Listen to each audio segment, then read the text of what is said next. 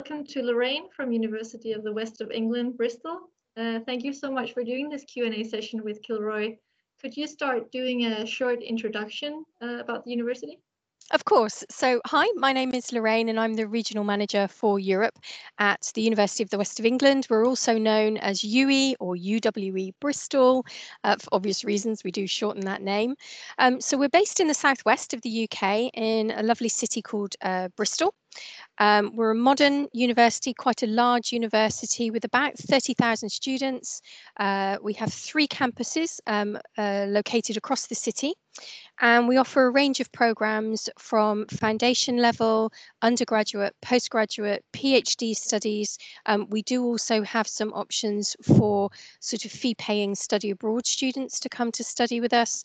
Um, we also have uh, an international college on our campus for students who maybe um, don't have the right qualifications to join us direct into our first year. So quite a wide range and quite a wide range of programs as well. Thank you for that.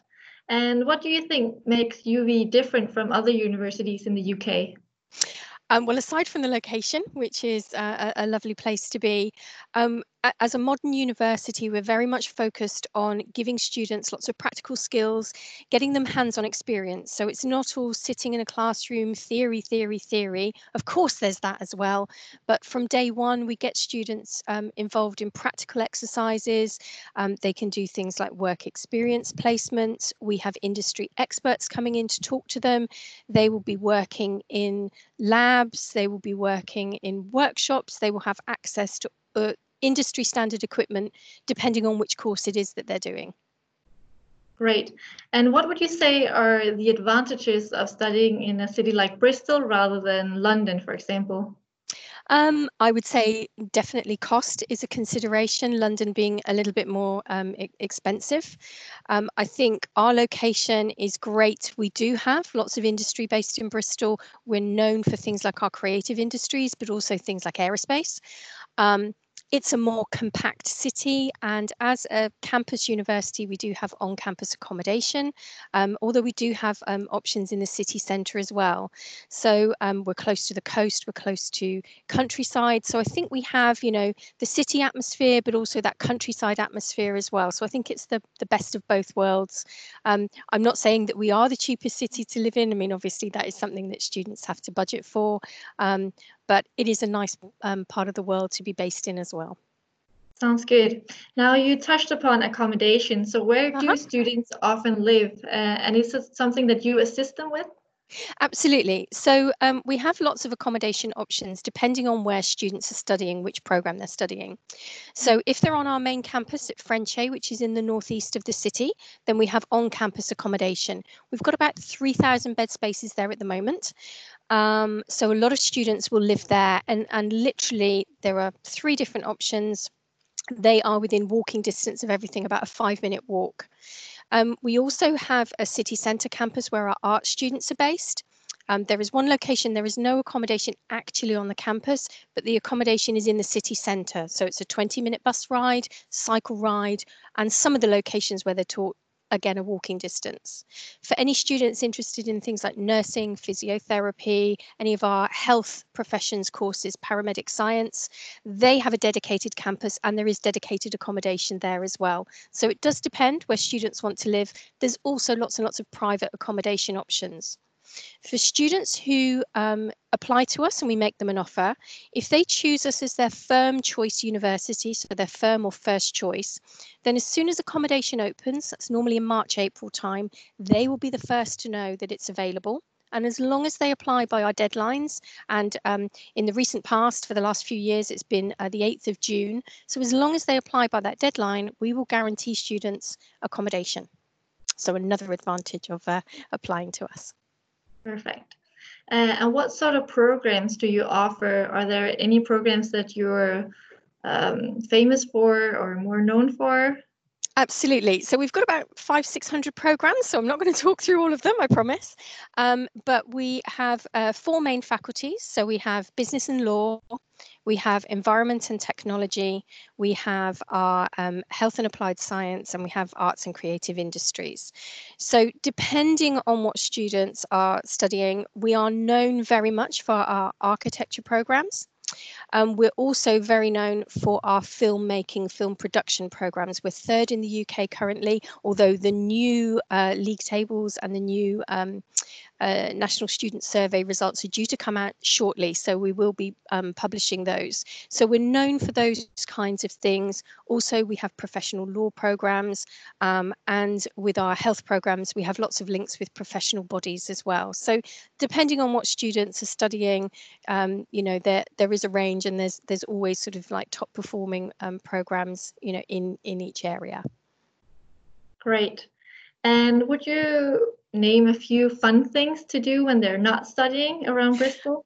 Oh gosh, absolutely. So um, if they want to stay sort of on campus and they want to be focused on university activities, then we have a range of clubs and societies. So all sorts of sports, all sorts of um, activities like music, um, societies and clubs. If people are interested in politics, the Politics Society, Philosophy Society, but also Bristol is quite a, as I mentioned before, a creative industry city. So we have um, lots of theatres. We do um, host theatre companies maybe before they go to the West End. So they're trying out all their, their mm. plays there, working out the technical issues. So we get some of the big, big productions coming to Bristol, really vibrant music scene. Um, quite a lot of, um, you know, the cafe culture, and we have different areas. So although Bristol's quite a big city, we have about half a million inhabitants. Um, there are pockets that are very sort of community focused. So you'll get used to, you know, going into the cafe culture here or this is the place where you go for you know small scale theatre productions lots of art lots of film. You know there's so much to do. Unbelievable.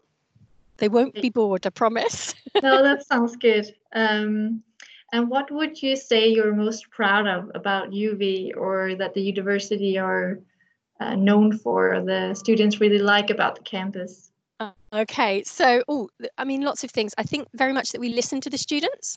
Um, so we have um, the the most recent thing I, I, remember. It was like you said we did. So this was um, talking to the students and saying, what is it you like about UWE? What is it you want to see more of? What is it you know that's not working for you. And um, we responded to that and said okay you said you wanted this and this is what we've done. Um, so very responsive. We never stand still. We're changing all the time looking at new ways of doing things. Um, obviously our links with industry are really important as well because we're very much listening to what employers want at the end of the day and tweaking our programs so students get that input um, you know and as i said earlier using industry standard equipment. So they're not using you know the stuff that was in vogue 10 years ago. They're using what the industry is using now. So when graduates go out into the workplace they can say oh yes i've already used that package. We've already used those types of microscopes or you know whatever it may be. Makes sense and my final question is some students are sometimes worried about making friends coming studying abroad. Do you have any advice for those students?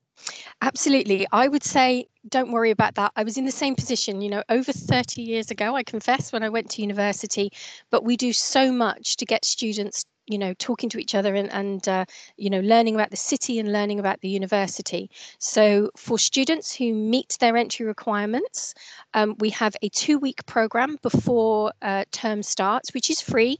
It's called elac or english language and academic culture. So that helps them get settled into the uk way of doing things. You know we're not that different but um, there are maybe differences to how school is to how university is. So that goes through all of those things, the different expectations, maybe what's expected in terms of referencing and things like that when you're writing an academic essay.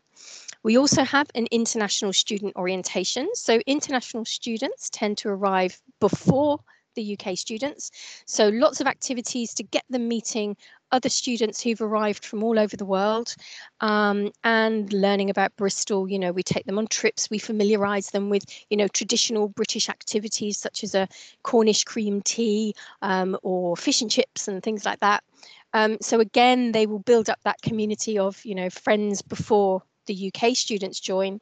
Then when they join, there are freshers activities, and then they go into their programs so they meet their other students. So lots of things that are getting students, you know, breaking the ice, meeting each other, and um, you know, the, what I would say is don't be shy. Do join in with as much as you possibly can, um, because it is a great way to meet people. Definitely. Great. A short follow-up question. So they will uh-huh. study with the local students as well, not only international students. Absolutely, everybody is is really mixed. There isn't a um, and and again for our exchange students as well. If they're coming on exchange, we don't have separate classes for exchange students. Everyone is in together.